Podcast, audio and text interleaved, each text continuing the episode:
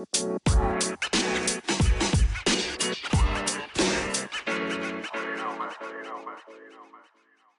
lieve mensen, welkom bij de Back to Blue podcast. De podcast waar we samen terugkeren naar onze blauwdruk, naar de zuiverste en puurste versie van onszelf. De versie die we bedoeld waren om te zijn. Wil je je leven omgooien? Heb je het gevoel dat je een stuk van jezelf kwijt bent? Kom dan met me mee. Terug naar de beste versie van jezelf.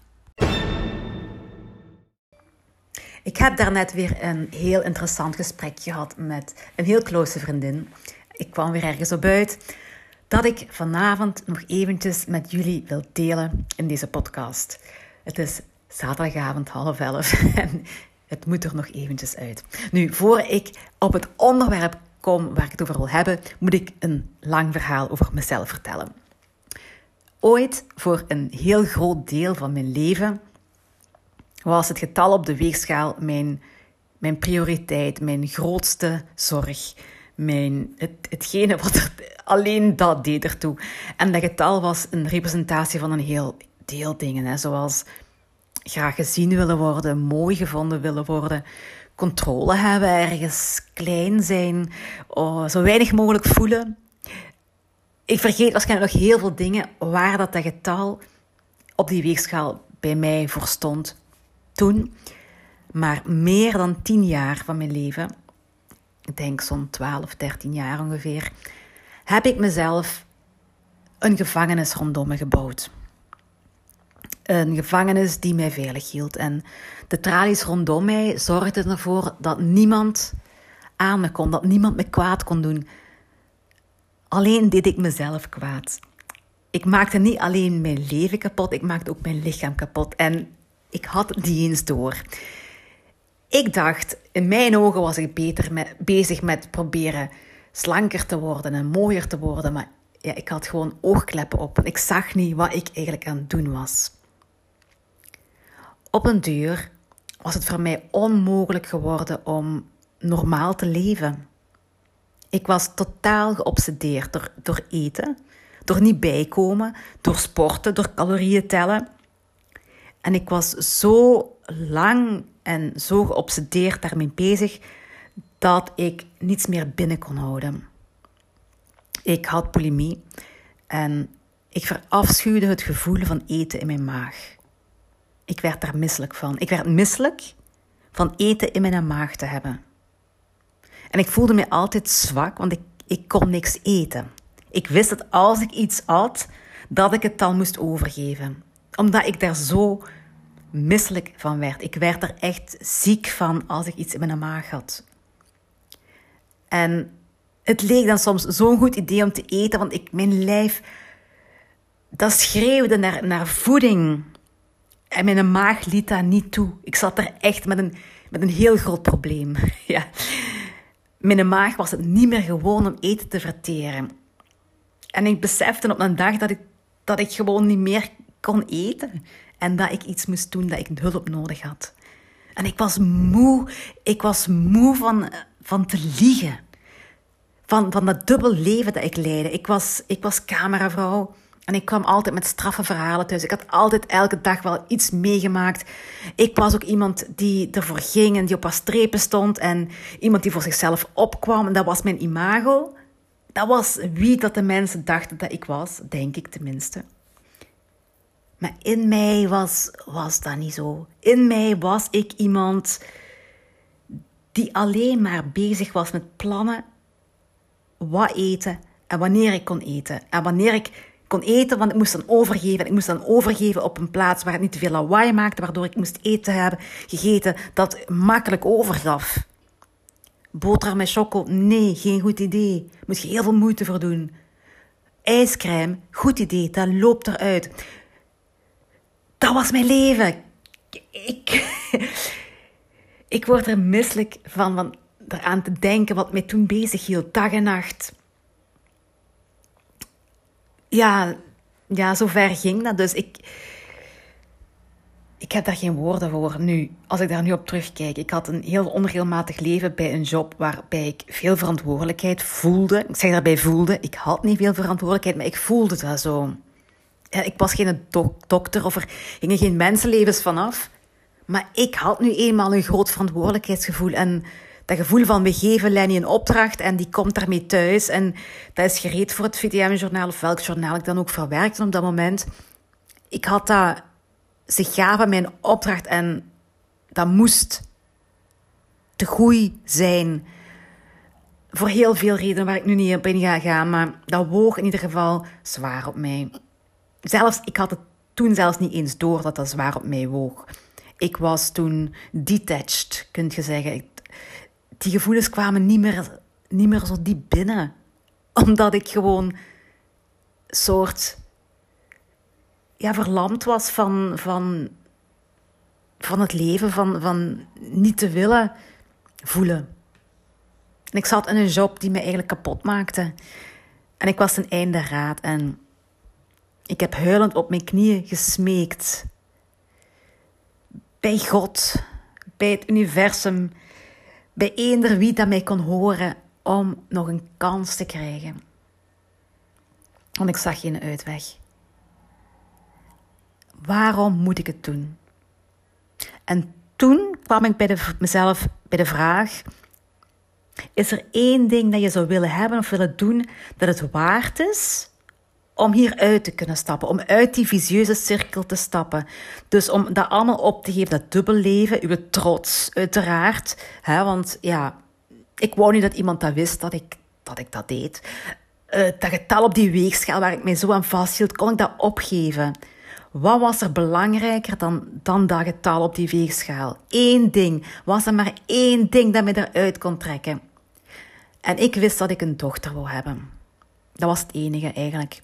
Ik wist dat een dochter bij mijn leven hoorde en dat ik onmogelijk kon opgeven en mezelf kapot kon maken zonder dat ik die dochter op de wereld had gezet. En als je denkt dat je op het diepste punt zit en dat je onmogelijk nog dieper kan geraken dan je al zit, dan blijkt dat die put toch een dubbele bodem te hebben. Want het ging nog dieper. Er was nog heel wat diepte in die put die ik nog niet kende, maar waar ik snel kennis mee ging maken. Ik ging naar een kliniek om mij toe te laten voor een programma om te starten om alleen een kind te krijgen. Ik had geen partner. En gelukkig had ik geleerd in mijn job om op mijn strepen te gaan staan. Hè. Het heeft mij zes maanden gekost om te mogen starten in die kliniek. Ja, en toen ontmoette ik een man. En, toen besloot ik zelf om het nog eventjes uit te stellen. Dat liep slecht af. Weer vier maanden verloren. En toen heb ik zeven keer geprobeerd met inseminatie om zwanger te raken. En die zeven keer liep over een maand of negen, denk ik. Want ik heb een operatie moeten hebben voor polypen in mijn baarmoeder. Kerstmis viel daartussen, weer een maand verloren. Zeven keer is dat niet gelukt. En zeven keer zakt je nog dieper in die put. En zeven keer dat idee dat mijn lichaam het niet kon gewoon, dat ik het kapot had gemaakt. En zeven keer dat gevoel dat ik gestraft werd door God of door iets om wat ik gedaan had met mijn lijf. En toen gaf ik het voor een week op. Ik dacht, even genoeg.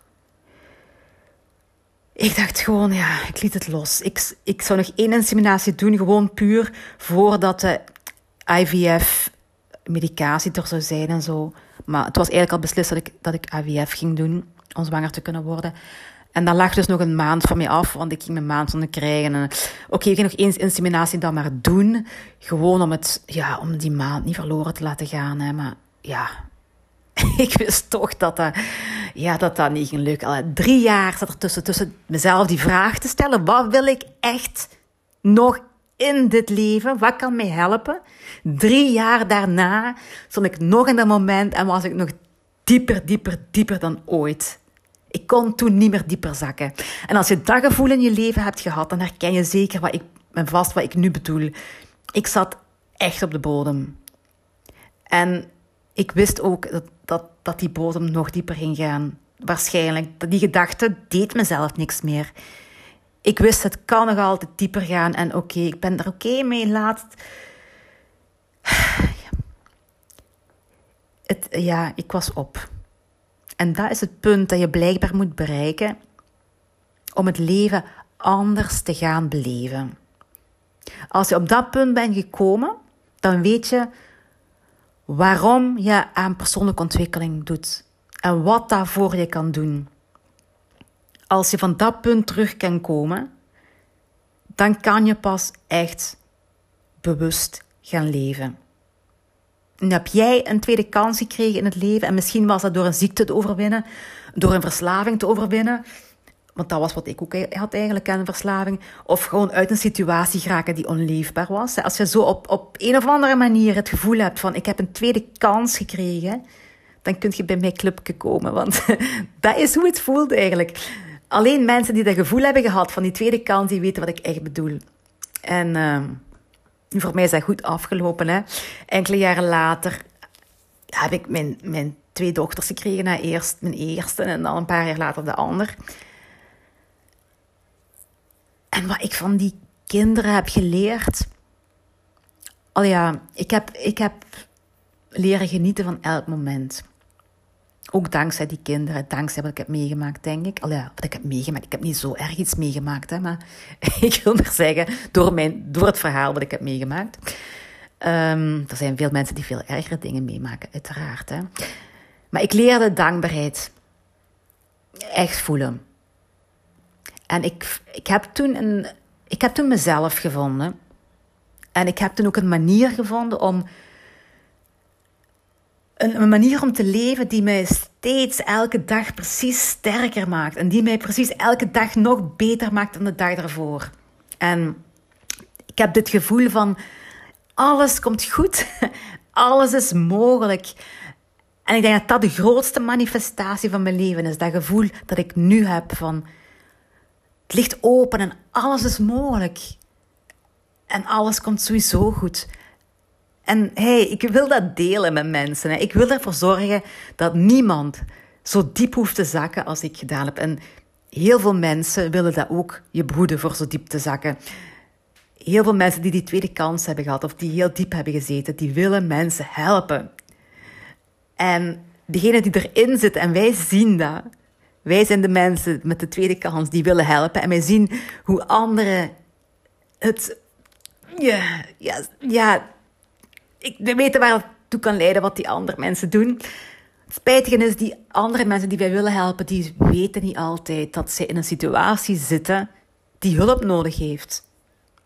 En, en dan komen we aan het hulpverlenerssyndroom. Altijd maar willen helpen, of die andere persoon nu geholpen wil worden of niet. En dat is een valkuil van je welste, die natuurlijk je ook weer ongelukkig maakt. Het hulpverlenerssyndroom. En ook mensen die geen hulpverlener zijn, maar die die tweede kans hebben gekregen, die op welke manier dan ook, die krijgen te maken met de hulpverlenerssyndroom. Want dat is zoiets menselijk. En weet gewoon, als jij de hulpverlenerssyndroom hebt en je ziet mensen rondom je en je wilt helpen en die, mensen die, die snappen niet wat je doet voor hun. Al ja, ik weet zo hoe dat je je voelt. Maar je moet het gewoon loslaten. Je moet het loslaten. Um, nu, ik wijd mijn hele professionele leven aan mensen helpen en mensen niet laten overkomen wat mij overkwam.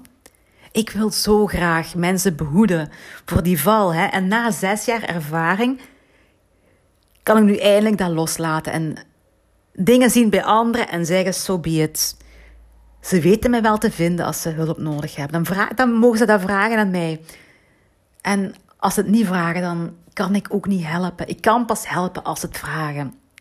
En om nog even heel specifiek over mijn missie te hebben, wat ik eigenlijk wil doen voor mensen voor vrouwen is het delen dat dat getal op de weegschaal nooit mag bepalen hoe dat jij je voelt over jezelf. Is dat zo, dan zit je met een probleem. En dat probleem, dat kun je oplossen. Dat is niet iets waar je je maar bij moet neerleggen. Dat is niet iets wat elke vrouw overkomt. Dat is niet iets van, oh ja, we zijn vrouwen, het is nu zo, we hebben kinderen gekregen, we zijn dikker, we voelen ons daar niet goed bij, maar het is nu zo, ik moet het zo laten, ik moet er me maar aan bij neerleggen. Nee, dat is niet. Je moet u daar niet bij neerleggen. niet gelukkig zijn met hoeveel dat je weegt of hoeveel dat je bent bijgekomen of hoe dat je lichaam voelt, dat is niks kleins. Dat is iets groot. Dat is iets wat impact heeft op je leven. Van het moment dat je wakker wordt tot het moment dat je in slaap valt en misschien in je dromen ook nog. Dat heeft een impact op alles wat je denkt en alles wat je doet. En dat is niet iets wat je maar moet negeren. En heb ik het niet over ik moet vijf kilo afslanken omdat dat het schoonheidsideaal is. Het gaat puur om hoe dat jij je voelt in je lichaam en of jij blij bent met jezelf. En afslanken is niet de oplossing. Maar dat is wel de oplossing. maar het is eigenlijk andersom. Als je die blokkade kunt oplossen, dan gaan die kilo's eraf gaan. Dus je moet niet... Je moet afslanken, maar je moet eerst iets anders doen om te kunnen afslanken. Het klinkt misschien ingewikkeld, maar dankzij mijn nogal ongelukkige verhaal met, met eten en afslanken en alles. En ook dankzij de kracht van de Law of Attraction kan ik nu zeggen dat ik een manier heb ontdekt waarop, waarin ik zelf mijn geluk kan bepalen. En dat ik, ik heb ervaren wat het is om dat getal op die weegschaal vanzelf te zien aanpassen aan uw wensgetal. Omdat je erdoor bent gegaan. Omdat je uzelf hebt gevonden. En ik kan niet wachten om binnenkort de slanke mindset methode te lanceren. Maar ook dan weer hè, kan ik alleen helpen mensen die willen geholpen worden. En weet je wat, ik ben daar oké mee. Ik ben daar oké mee. Ik uh, laat het niet in mijn hart komen. Ik heb een geweldig programma. Ik wil zoveel mensen helpen, maar het is oké als je er niet klaar voor bent. Want ik kan u alleen helpen als ik kan alleen de mensen helpen die willen geholpen worden. Wat ik wil dat je meeneemt van dit is dat je dat het in ieder geval bestaat. Dat je je daar niet bij moet neerleggen en niet heel je leven met u moet meedragen. Dus neem in ieder geval van mij aan, er bestaat een manier om je afslankingsproces en meteen ook je, je leven in eigen handen te nemen en nooit meer het gevoel te hebben dat het niet mogelijk is voor jou. Laat dat maar even verteren.